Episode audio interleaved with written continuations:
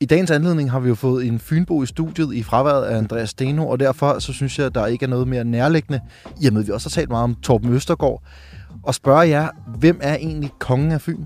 Der er i hvert fald to bud på sagen. Øh, som jeg siger, der er både Torben, Torben Østergaard, vi har talt om, øh, som, som vel nok er den rigeste. Det er jo en parameter. Og så er der Niels Thorborg. Jeg kan huske, fra da jeg selv boede i Odense en kort periode, var er han altså noget af en legende i Odense. Han er en men, kæmpe men, legende. Men, men, men, hvis nu du, du er i Fynbo, Mads, du, hvem, hvem er størst af de to simpelthen? Jeg tror faktisk, det er Torborg, for. Ja. at være helt ærlig. Og det er jo også i forbindelse med, at han ejer OB. Og der må jeg så bare øh, skud ud til ham. Men altså, nu må han snart komme med nogle flere penge. Problemet øh, for Torborg er jo lidt pengene, øh, kan jeg se, for jeg så en opgørelse fra, jamen, jeg så lidt en opgørelse fra øh, slut øh, november sidste år, øh, om at hans formue, den er simpelthen faldet fra 5,7 til 2,8 milliarder, og den har tidligere i 16, da han var Fyns rigeste, Mm. været på 8,7 milliarder. Det er selvfølgelig et problem at have smidt øh, to tredjedel af sin formue væk. Altså, det, det er dertil så, så at sige, at, at, at, at Niels Thorborgs største problem, det er penge. Det, det er Ah. nok alligevel at stramme den. En lille outsider måske her, øh, Christian Stadil. Han har jo købt det der slot, som Jim, Vil, Jim Lyngvild ikke fik fingrene i. Han er faktisk toer på øh, Fynslisten. Og en anden dark horse er jo øh, øh, pejsepisseren fra Svendborg, Erik Skærbæk. Ja, det vil jeg også sige. Af FC. Han har altså lige FC København, ikke? Øh, Jo, jo. Og, og det- angiveligt købte det dengang, bare fordi han ville have deres ejendomsportefølje. Så han, han, han er ikke engang inde og se en FCK-kamp. Det synes jeg er fedt, især når man som mig ikke er særlig glad for FCK. Ja, det, det er det er næsten faktisk rigtig champagne, det der. Det er det faktisk næsten, ja. Der er sgu ingen, der betaler mig for at mene noget mere. Det har jeg været vant til i mange år, at der var. Store penge. Ekstrabladets finanspodcast. Kontant snak uden skjult agenda. Med den uafhængige topøkonom Andreas Steno Jeg vil sikkert også købe et privat fly, hvis jeg bliver milliardær. og den finanspolitiske analytiker Mikkel Rosenvold. Denne myte om, at vindenergien er det billigste, det holder simpelthen ikke. Sammen vender vi de store finanshistorier og giver dig råd til investeringer. Hvis jeg står med en pose penge, er det så bedre at vente? Nej, jeg vil hoppe på. Mit navn er Anders Olsen. Velkommen til Store Penge. Ja, jeg kan jo lige introducere Mads Eberhardt. Du har været med tidligere i studiet, fordi at du er en af landets førende kryptoeksperter, og vi skal nemlig tale krypto i dag. Velkommen til. Mange tak. Og så har vi selvfølgelig som altid dig med, Mikkel Rosenvold, øh, finanspolitisk analytiker hos Steno Research. Velkommen til. Tak for det. Vi starter lige med et øh, frisk spørgsmål til dig, Mads. Øh, Jeg har set Ferrari, de har været ude og sige, at de nu tager imod betaling, at de har øh, taget betaling i krypto i noget tid nu, men nu også i Dogecoin. Jeg ved ikke helt, hvordan man udtaler Dogecoin. Øh, sker det nogensinde, at der kommer en mand slash kvinde ned og betaler for en Ferrari med øh, sådan en hundemønt? Øh, jeg tror, jeg næsten kan sige med garanti, du skal ikke forvente, det kommer til at ske i Danmark. Nej. Det er nok sådan, altså, det- er jo virkelig to ting, hvis man blander det, så har du Dubai. Altså Dogecoin og, og Ferrari. Så det det er helt sikkert nogen, der kommer til det i, øh, i Dubai, og så skal du nok også forvente, at du kommer lov- til at se det på Instagram efterfølgende. Ja, det er helt klart. Så bliver der solgt nogle kurser og sådan noget, hvordan man gør. Præcis. Ja. Mikkel, øh, en helt anden boldgade. Hvem sprang egentlig øh, Nord Stream-ledning i lu- luften eller rørene? Ah, det er et rigtig godt spørgsmål. Øh, mit bedste bud er stadig, det var den russiske militær efterretningstjeneste GU. Jeg ved det simpelthen ikke. Er der andre spillere?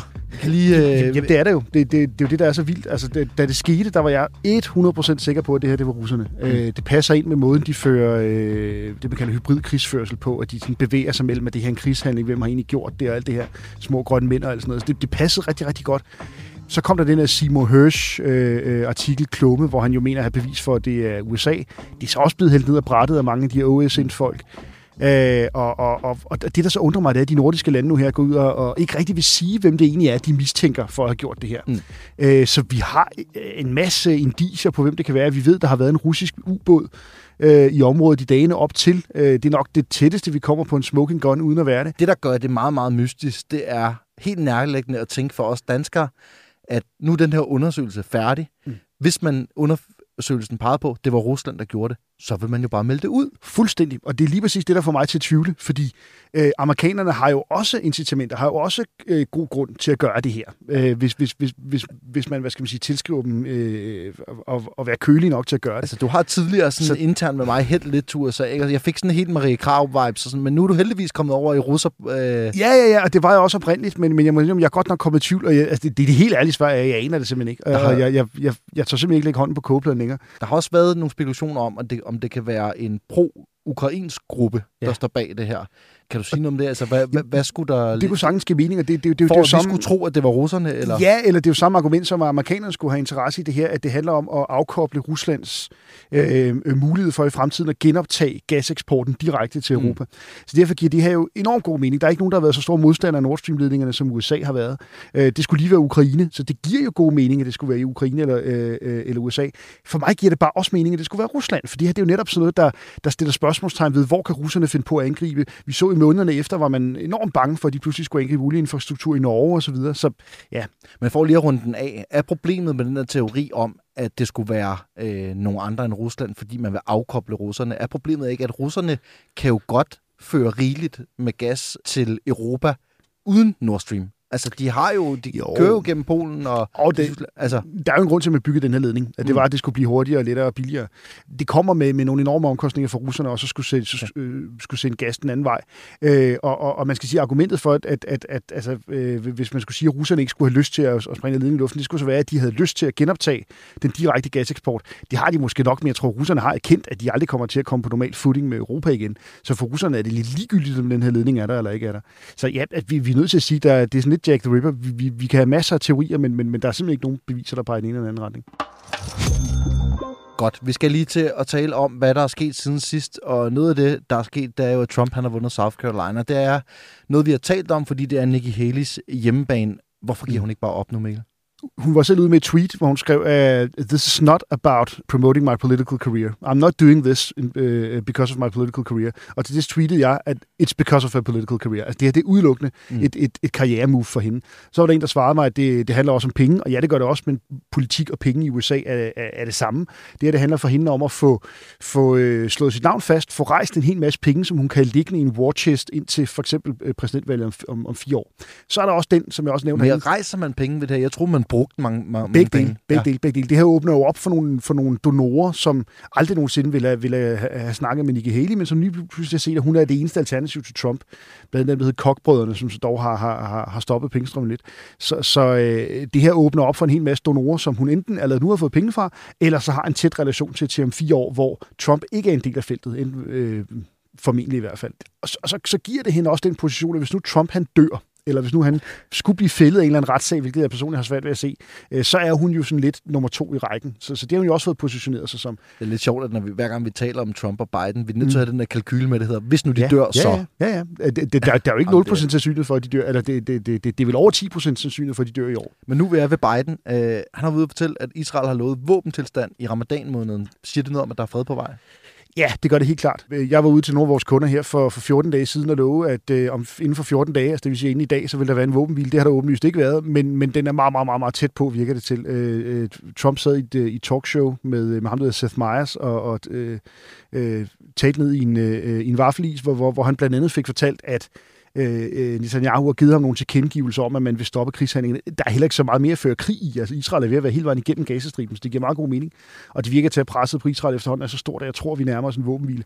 Og det kommer så til at have store effekter på både Rødehavet, olieprisen osv.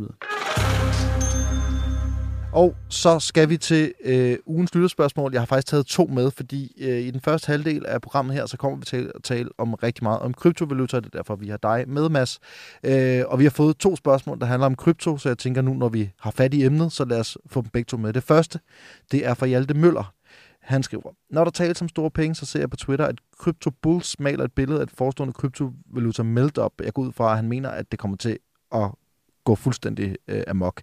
Disse visionære spekulationer, ofte understøttet af bitcoin-grafer i logaritmisk format, fremviser parabolske kurver, der forudsiger værdier op til flere hundredtusind dollars. Hvad er jeres vurdering af sandsynligheden for, at vi vil se sådan astronomiske kurser inden for de kommende år? Øh, Mads, hvad, hvad siger du til det?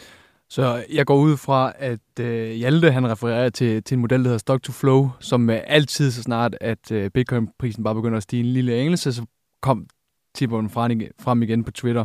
Ja. Så det er egentlig en model, der prøver at forudse bitcoin-kursen baseret på det, vi kalder en halving. Mm. Så hver fjerde år, der halverer man den øh, gevinst, miners de får ved at øh, processere blocks. Mm.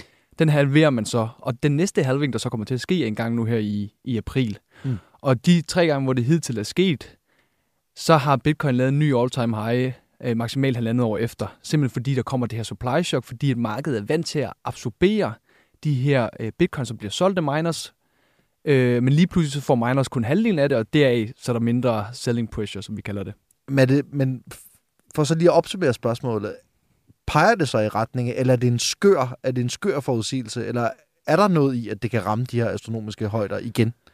Altså, jeg vil aldrig bruge astronomisk øh, om noget, der er så, så spekulativt, men, men det er klart, at bitcoin har vist tre gange tidligere i historien, at det bliver meget, meget påvirket, det her supply shock, der så kommer nu her til, til april. Samtidig så har vi så på øh, hele efterspørgselssiden de her ETF'er, som også trækker rigtig mange bitcoins ud mm. af markedet PT. Mm. Så der er rigtig mange tegn, der, der tegner på, at vi, vi skal længere op. Okay. Og nu vi taler om mining og prisen for mining, så øh, Hugo fra Nørrebro, han skriver i øh, det næste spørgsmål, kære store penge, tak for et godt program, hvor jeg faktisk lærer noget og bliver udfordret på mine holdninger. Som de måske eneste tør i tale om og for krypto. Jeg er derfor nysgerrig på, hvad I tænker om at investere i selskaberne, der miner for eksempel bitcoin. Jeg har selv penge i Cleanspark og har lavet kisten på det. Hvad siger du til det, Mads? Så især mining-selskaber fik virkelig tæsk efter det, det tidligere bullrun, som var i, i 21. De fik virkelig tæsk i, i 22. Udfordringen med mining-selskaber, det er, at selvfølgelig er de påvirkelige af, at bitcoin-prisen den er høj. Men de er også meget, meget påvirkelige af, hvor meget konkurrence der er i markedet for mine bitcoins. Mm. Så de tjener jo penge på differencen mellem, hvad det koster for dem at mine bitcoin, og hvad prisen på spotmarkedet for en bitcoin er. Mm. Udfordringen det er, at det er meget, meget kompetitivt miljø. Samtidig så bliver de også påvirket af den halving, der kommer nu her til april, fordi man så mere eller mindre går ind og halverer den gevinst, de får per blok, de miner. Mm. Så jeg vil, ud fra et risk reward synspunkt, vil jeg langt hellere holde bitcoin kontra mining-selskaber. Vi, lige nu taler vi kun om bitcoin. Vi skal også tale om Ethereum, og øh, til at kickstarte det, så synes jeg lige, vi skal høre øh, det her klip. Det er fra Cryptogram på Instagram med stifteren af Ethereum. Hey, hey. What's up, what's up, what's up? Big Connect! I am Satoshi Nakamoto. No. og, det var, og det var ikke øh, stifteren af Bitcoin, det her. Det er nemlig Vitalik Buterin, som har stiftet ETH. Det der er lidt... Man kan jo ikke lige se, hvem der er, der taler, hvad han ser ud, men han... Altså, han ligner en, der fejler et eller andet på en eller anden måde. Er han overhovedet mentalt stabil, øh, Mads? Jeg vil sige, nu, nu havde vi den der snak om, om Fynborg tidligere. Hvis han flyttede til, til Fyn, så vil jeg sige, så var han kongen af Fyn. Altså 100 procent.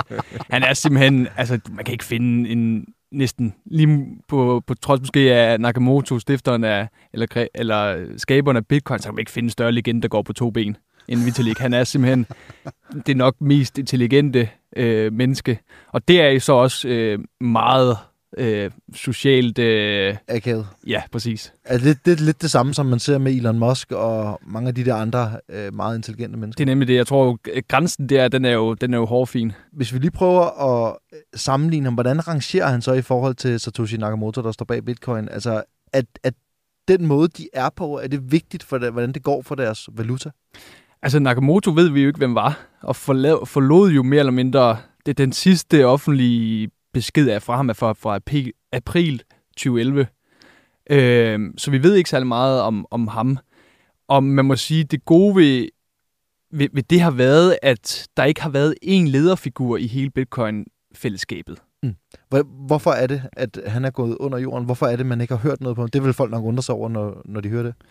Så det eneste, vi ved, det er, at han eller han, eller hende, eller den gruppe, som det også kan være, har været utrolig, utrolig god til at skjule sig selv. Mm. Så vedkommende fra starten har vidst, at vedkommende ikke vil findes. Mm. Det er jo trods alt stadigvæk i øh, januar 2009, at Bitcoin den laver sin Genesis-blok, altså den første blok, og på trods af det er der ikke nogen, der har fundet ud af, hvem vedkommende er. Øh, og så er der også spekulation om, at vedkommende har gjort det, fordi et for at skabe noget, der var der er 100% decentraliseret, hvor der ikke er en ledende figur, der står i kulissen, mm. og samtidig også for ikke at skabe opmærksomheden fra, øh, fra stater. Så mm. vi ved, at den anden sidste øh, blogindlæg, han lavede på, på Bitcoin Forum tilbage i øh, december 2010, var egentlig, hvor han udtrykker, at han er nervøs omkring den opmærksomhed, som Bitcoin var begyndt at få på det tidspunkt. Det var lige der, hvor Wikileaks de blev der, der blev lavet sådan en finansiel blokade af dem, mm. blandt andet Visa, Mastercard og PayPal, og så blev Bitcoin øh, nævnt som et alternativ for dem. Og det, det kunne vi se, at Nakamoto var, var nervøs for. Er det så dermed sagt også, at bagmændene for Ethereum og Bitcoin ikke er særlig vigtige i forhold til, hvordan det går med kryp- kryptovalutaerne? Altså for, for bitcoins vedkommende er det, øh, som jo overhovedet ikke vigtigt. Altså Mm. det, det, selvfølgelig har det, har det givet en masse, et, et mysterie, som, som mange har prøvet at løse i løbet af årenes løb, men det er som sådan ikke øh, vigtigt. For Ethereums vedkommende har det har Vitalik været væsentligt vigtigt for et par år tilbage, men er mere og mere trådt ud af kulissen, hvilket jeg egentlig anser som positivt, fordi det er ikke godt at have en decentraliseret kryptovaluta med en meget, meget ledende figur i, i spidsen. Vi skal tale lidt mere om Ethereum, fordi vi er jo begyndt at se en tendens til, at Ethereum er begyndt at outperforme Bitcoin. Er hypen ved at tippe fra Bitcoin til Ethereum? Det har den i hvert fald været til dels i, i år, så faktisk øh, de ETF'er, de spot ETF'er, der blev, der blev lanceret for Bitcoins vedkommende i, i januar, har egentlig også skabt et nyt narrativ for Ethereum.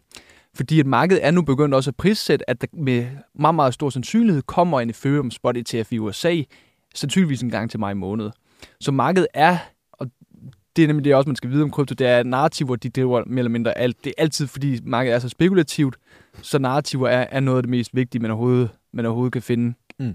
Øh, men samtidig så, Bitcoin ser bare ufattelig meget inflow i de her ETF'er. Så de seneste to trading days, mandag og, og tirsdag, der, har- der har Bitcoin set over 500 millioner dollars hver dag i net inflow. Så det er altså at sige 500 millioner dollars, der kommer ind i de her ETF'er, hvorefter de her øh, udbydere, de går ind ud på spotmarkedet og køber bitcoins. Så det Ja. er bare det er rigtig meget inflow. Det er voldsomt. Fornemmer du, fordi du er også meget aktiv på X, og du lægger nogle analyser ud i, fra Steno Research, hvor du er kryptoanalytiker og ansvarlig for det. Øh, er der en voldsom optimisme på det sociale medie X lige nu? Ja, helt sikkert. X er jo øh, kryptoverdens legeplads, øh, og især, især en legeplads, når det går rigtig godt. Er, er der grund til den her optimisme? Ja, det vil jeg faktisk sige. Mm. Øh, vi har jo været, vi har været bullish egentlig de sidste øh, halvanden måned, øh, og er det egentlig også. Selvfølgelig kan vi se en korrektion, men der er rigtig meget, der taler hen imod, at vi skal højere op. Hvad er udsigterne for de helt store øh, coins lige nu? Altså man kan sige, nu kommer den her halving for, for bitcoins vedkommende, samtidig vil bitcoin blive ved med at se de her væsentlige daglige inflow ind i dens øh, ETF'er. Samtidig så i Ethereum også øh, kommer en opgradering nu her i næste måned, som gør, gør Ethereum meget mere skalerbar. Samtidig hvis ETF'erne også kommer i maj måned. Øh, så der er rigtig mange af de her forskellige narrativer, som, som egentlig peger væsentligt mere op end ned. Det her ETF og den her spændende udvikling, der er i, krypto, hvordan går du til det? Fordi jeg ved, I skal jo også rådgive øh, jeres kunder til, hvordan de skal investere i øh, krypto, øh, ligesom I skal med alle mulige andre øh, virksomheder. Hvordan er I placeret? Det er jo dig, der har ansvaret for det. Hvordan er du placeret i krypto lige nu? Så vi har egentlig en portefølje, hvor vi ligger med, med syv kryptovalutaer. Øh, der er selvfølgelig en overvægt til Ethereum og, og Bitcoin, og så ligger vi ellers med sådan nogle andre små bets, som er hovedsageligt egentlig for at hedge porteføljen. Mm. Øh, men de to største positioner er Ethereum og, og Bitcoin. Og hvordan er, kan, det ved ikke, om du må afsløre, men hvordan er vægten i forhold til de to? Altså, hvor, Så- hvor, hvor er I størst? Så faktisk vores største øh, position er i Ethereum. og det er fordi, vi mener, at vi er sandsynligvis lige på tasken til, til et større øh, bullrun.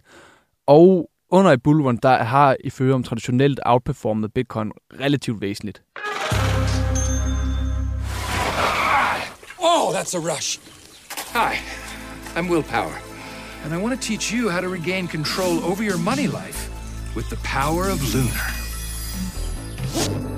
Start by finding your inner power. Then find the Lunar app and download it to your phone. Ah! Ja, det er jo den altid sjove Will Ferrell, der er her i en reklame øh, for Lunar. Ja, advokerer for, at man skal have Lunars app. Det skal man. Grunden til, at vi skal høre det her klip, eller vi lige har hørt det her klip, det er fordi, at øh, vi skal tale om Lunar Bank i dag, Mm. Mikkel.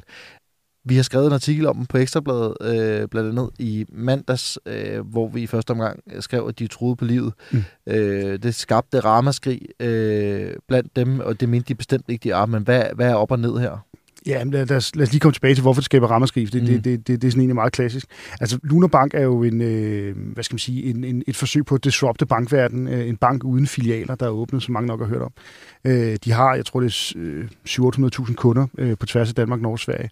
Og de er så i en sag op i Norge, hvor de har forsøgt at købe en anden mindre bank, Instabank, tror jeg den hed endt med at, at blive dømt til at skulle betale en erstatning på 416 millioner til Mm. nogle af, aktionærerne i den Instabank, fordi de mente, at altså, overtagelsen af den Instabank blev afvist af de norske myndigheder. Det mente så, at det var, der mener aktionærerne i den her Instabank så, at det var Lunabanks skyld. Lad os ikke gå så meget mere ned i den sag. Ja, jeg tror, det, er- det, det Ja. var nemlig det her med, at øh, i den periode, hvor overtagelsen var på tapetet, indtil Ja. det gik galt, der faldt aktien meget i kurs, og Præcis. de vil så have en erstatning på den difference, der, de, den værdi, de har tabt. Ja, fordi, fordi overtagelsen blev så afvist, og, og, og, og, og hvad skal vi sige, alle aktionærerne har så tabt en masse penge ved, at, at, at den her overtagelse var aftalt til en meget højere aktiekurs. Mm. end der så står, end der, så, der, der, der så ligger nu. Mm. Det skal jeg ikke kloge mig på, om det er en korrekt dom. Det, det, det mener Luna selvfølgelig nok ikke, det er. Under er de blevet dømt til det her i Norge, i sådan øh, svarende til landsrettet, noget af den stil i Norge. Øh, Ja, det, det er så, øh, jeg ved ikke, om det er en byret eller hvad det er, men den, den er nemlig anket til landsretten, ved jeg. Ja, lige præcis. Den er Ja. anket til, til, til niveauet højere op. Ja. Ja. Det, det, det, det er det, der er vigtigt i det. Øh, så, så, så, så, så derfor er det selvfølgelig ikke givet, at de skal betale de her penge, men de er altså i hvert fald indtil videre blevet dømt til at betale en erstatning på over 400 millioner kroner. Mm. Og så er det jo sådan med finansielle virksomheder, at hvis de ser ind i sådan et tab, hvis de ser ind i sådan en bøde, så skal de selvfølgelig tage det med i sit regnskab. Det skal alle virksomheder. Men for finansielle, altså for banker, er det sådan, at der skal de, de regne det med i det kapitalkrav, som myndigheden stiller til dem. Mm. Det vil sige, der er jo nogle krav for, at man skal have øh, en vis procentdel af alle de indlån, man har, øh, skal man kunne have i kontanter. Mm. Og hvis man for eksempel forestiller sig, at de, de, de har et krav om, når altså Finanstilsynet siger til dem, I skal have øh, 800 millioner i kontanter, så nytter det altså ikke noget, at man samtidig ligger på en potentiel regning på 400 millioner kroner. Mm. Øh, så derfor tæller det her med, og så vil de skulle have et 400 millioner mere, så at sige, liggende øh, i kontanter. Ja. Øh, det er det, der skete lige nu, og det er de så blevet efterspurgt en plan for. Det er ikke nødvendigvis sådan, at de skal gå ned i banken og kunne, kunne smække den på bordet for en finanstilsyn, det kan også være nogle bankgarantier hos andre steder osv. osv. Øh, det virker til, øh, det er i hvert fald, hvad vi hører, at, at, at, at der er en plan for at skaffe de her penge. De har jo nogle investorer, som selvfølgelig vil beskytte deres investeringer og stille de her penge til rådighed for Lunabank. Men det er selvfølgelig en alvorlig situation for en bank. Øh, og det, der er især alvorligt, og det, det, det, det er jo også derfor, de reagerer så meget på jeres overskrift, det er jo, at, at lige så snart der begynder at blive stillet spørgsmålstegn ved driften af en bank, og blive, bliver stillet spørgsmålstegn ved deres solvenskrav, som mm. vi jo er inde og tale om her, mm. så begynder det at lugte af, at om, om banken har penge nok til at svare enhver sit. Altså, mm. hvis alle løb ned og, og ville hæve deres penge i morgen, vil banken så have penge til det. Ja. Vi må heller lige sige, sådan for god ordens skyld, fordi de bliver hurtigt juridisk det her, det, det, der er ikke noget, der tyder på, at, at, at, at Luna ikke har penge nok til det. Der er ikke noget, der tyder på, at man skal være bange for sine penge i Luna, eller Luna ved at gå ned og hjem. Men det starter selvfølgelig de der tanker. Det er jo derfor, man reagerer så voldsomt på det. Ja, og så øh, bare lige for sådan at, at komme lidt ind igen på det ramaskrig, der var mandag Ja. aften. Altså, det er jo en, Ekstrabladet har været ude og lave en citathistorie af en historie, der har startet hos børsen, mm. som har dækket Lunar tæt. Og de skriver sådan set i deres Ja, ja, ja. ja. Lunar Bank er troet på livet. Og det er jo fordi, at Lunar selv har været ude at sige, at vi har ikke de 416 millioner, som der skal findes frem nu. Øh, men de mener så, at de har en plan for, og det skal jo være fundet til 1. marts, det er på fredag. Og, og derfor synes jeg, det er reelt nok at sige, at de er truet på livet. Mm. Man skal bare have den med, at det betyder ikke, at, at, at folk ikke kan regne med at få deres penge ud af Luna. Jeg synes ikke, det er der, vi er endnu. Og den, Nej. den, den pointe er vigtig at få med, men jeg synes, det er fair at sige, at de er truet på livet.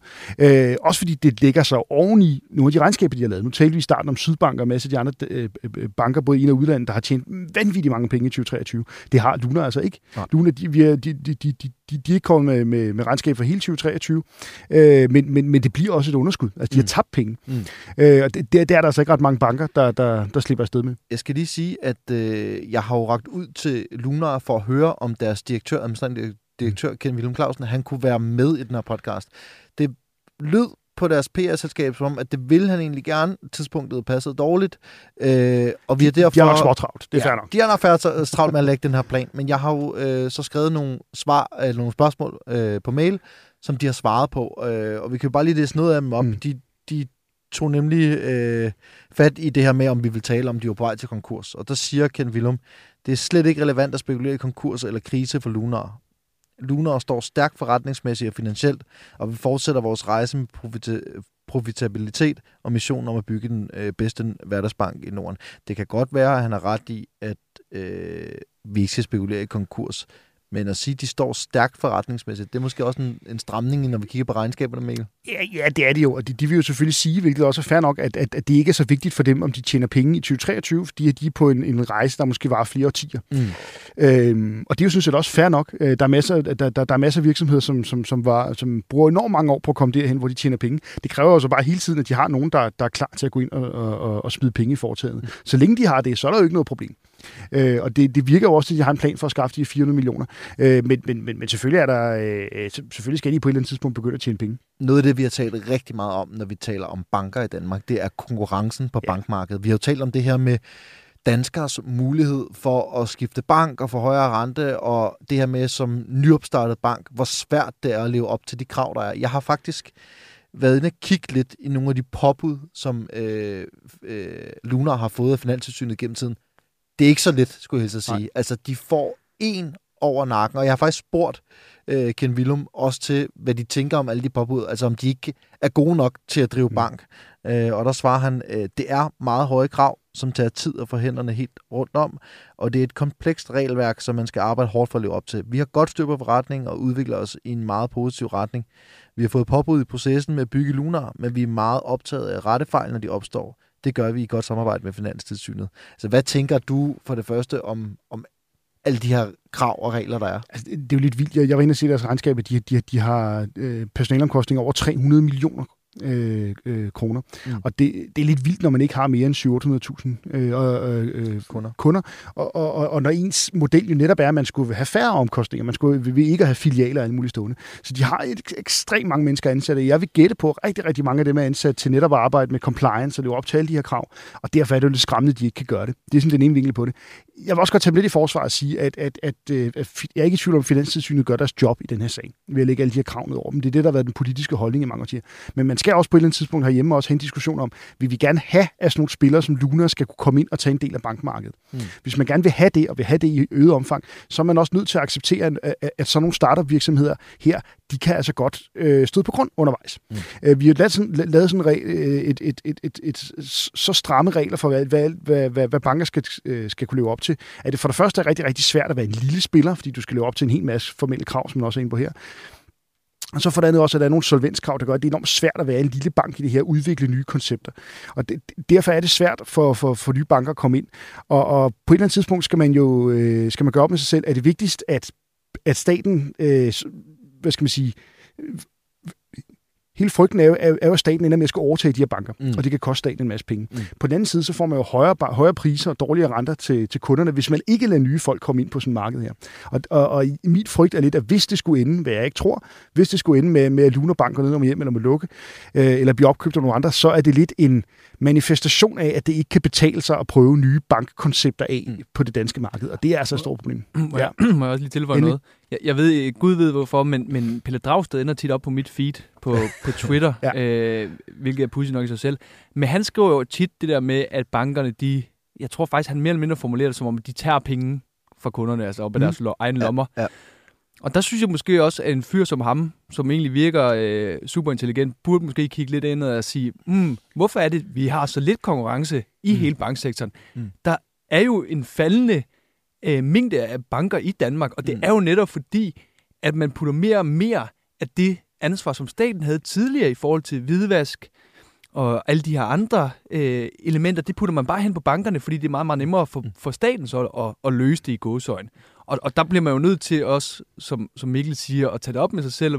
Vil vi have konkurrence her, eller vil vi ikke? Fordi det er jo fordi, det snart er meget, meget få banker. Men det tror jeg, du er fuldstændig ret i, men der tror jeg også sådan en som Pelle Dragsted vil sige, at øh, jamen, det er Morten Bødskovs ansvar. Det er, det er ministeren, der skal gå ind og lave den her lovgivning. Jeg tror faktisk, at han presser på i et vist omfang, i hvert fald på, at der skal, der skal være noget øget konkurrence. Faren er, det jeg sådan ligesom fornemmer i forhold til det her, det er, at hvornår blev reglerne så rigide? Det har vel noget at gøre med den bankkris, finanskris, der var i 2008. Fuldstændig. Fuldstændig. Øh, men er man blevet bange for sin egen skygge, eller skal vi bare være glade for, at de ikke kan tage så mange risici? Det er jo en balance, fordi vi, vi, vi, vi så jo også i 2008, hvor galt det kan gå mange steder. Men, men øh, efter min mening er man nødt til at, at, at leve med som stat, at man en gang imellem må ind og rydde op på bankmarkedet. Øh, hvis man så til gengæld kunne få no, nogle nye spillere ind, der kunne disrupte det her marked, også tvinge nogle af de store banker til at yde bedre forhold over for kunderne. Øh, fordi det, det er et marked, som jeg er så inde på, der, der, der er fuldstændig låst, både i forhold til disruption, i forhold til, til, til at tænke kunden meget mere ind i det. Og det... Øh, det, det, det, det er et reelt problem, som, som koster hver eneste dag for, for danskere, når de skal ned og have, have enten øh, øh, i form af lavere renter på deres indlån, eller højere renter på udlån for bankerne. Og, øh, og det er jo så den pris, man betaler for den sikkerhed, at, at bankerne er så velpolstrede, at de formentlig ikke kan gå ned og hjem. Nu vi taler om banker, så skal vi også tale lidt om Nordea, fordi i øh, ugens konkurs, øh, som du har forberedt, Mikkel, der ved jeg, at akademikerpension, de har været noget efter Nordea, fordi Nordea jo investerer i fossil energi. Ja. Er det noget, øh, et pensionsselskab kan blande sig i? Ja, det, det kan de jo, og, og de har jo en, en, en bestyrelse, som er valgt af deres medlemmer øh, til at varetage deres interesse. Jeg, jeg savner bare sådan lidt, lidt debat om nogle af de her steder, om, øh, og det er givetvis en debat, jeg vil tabe, men altså, er, er det virkelig sådan, at, at, at, at, at, at vores pensionspenge skal investeres så, så, så entydigt efter politiske formål? Altså personligt kunne jeg godt tænke mig, at mine pensionsmidler blev, blev investeret, sådan, så jeg tjente øh, maksimalt med penge på det. Det overrasker nok ikke lytterprogrammet her, jeg, jeg, jeg, jeg har den livsholdning. Øh, men, men, men det er bare ret vildt, at det virker til at være det eneste, sådan som akademik, øh, akademikerpension går op i. Det kommer nok af, at deres bestyrelse er sammensat af fagforeningsfolk, der sidder to sociologer og to psykologer, og, og ikke ret mange, øh, der nødvendigvis har det, man klassisk set vil anse som kompetencerne til, til at forvalte deres formue, som er på 130 milliarder kroner. Ja. Øh, så det er bare, der ligger nogle penge i hænderne på folk her, som virkelig lægger nogle ESG-principper ned over det. Det er der sikkert mange, der støtter, og det er også helt fint. Deres medarbejdere, øh, deres medlemmer kan jo bare stemme nogle andre ind. Men, men, men, men det, det er værd, at den enkelte lytter derude lige, lige gør sig nogle tanker om, hvem det egentlig er, man placerer sine penge i hænderne på her. Hvem skal så øh, hyldes her til allersidst i afsnittet? Hvis der er noget, der er champagne, så er det øh, Armin Kavushi. Nej, øh, det mener du ikke. Vi kan huske hele den her Muse-sag. Det, det er ikke noget forsvar for ham. Men, men han er altså i gang med et comeback, og det, det vil jeg godt hylde lidt. Altså han er i gang med, med, med et nyt selskab, som, som, som, som folk kan, kan, kan eller som, som, som, som han er ved at søge investorer og samarbejdspartnere til. Det skal hedde Nurts, tror jeg nok, som, der, som også skal investere i andre selskaber. Må jeg lige spørge til det der? Ja. Har han ikke sådan en øh, potentiel karantæne hængende over hovedet? Altså sådan en dom om, at han måske ikke jo. må starte noget nyt? Jo, jo, jo, men så kan det være nogle andre, der starter CVR-nummeret og sådan noget. Altså, ja. det, når man er oppe i den liga der, det, kan du, det er jo Claus Riska-reglen. Hvis, hvis, hvis, hvis det er store nok beløb, så er det næsten ligegyldigt, hvem man bliver dømt for. Jeg synes i hvert fald bare, det er champagne, hvis, hvis, hvis man lige stikker Armin Kavushi 50 millioner at lege med nu her. Det, ja. vil, det er altså et ballsy move, hvis man gør det. det, det jeg kommer ikke selv til det. Og du, men, øh, bare sådan ganske kort, bare lige rise op. Hvad var det nu? Altså, han, han løg jo. Øh, Jamen, han, han, han, han, han, løg jo om, han løg jo om, hvad der var i det her selskab Muse, ja. som, som var på vej til at blive børsnoteret, og var den helt store darling rundt omkring, og så fandt, man jo ud af, at det er sådan helt kort til, det, det var, det var Kajsons nye klæder mere eller mindre, var, var, var dybt pustet op, lavede ikke rigtig noget. Ja, det er ikke rigtig lykkedes mig at finde ud af, hvad det her nye selskab skal, ud over at investere i nogle andre virksomheder. Øh, men, men, men det, han, han, han, han er... Øh, han er blevet citeret for, at han skal ud og tjene en, en hunds masse penge på det, og det, det er jo i hvert fald champagne niveau. Han skal, han skal bare til Fyn for at rejse nogle penge. Ja, det, ham til være, Fyn. det kunne det godt være. Over Storebælt, du. Vi takker af for i dag. I skal endelig lytte med igen på mandag, og så husk endelig at stille spørgsmål. I rigtig mange af jer er gode til det, og vi er super glade for at modtage dem. Det er på storepengesnabla.eb.dk. Ha' en god dag.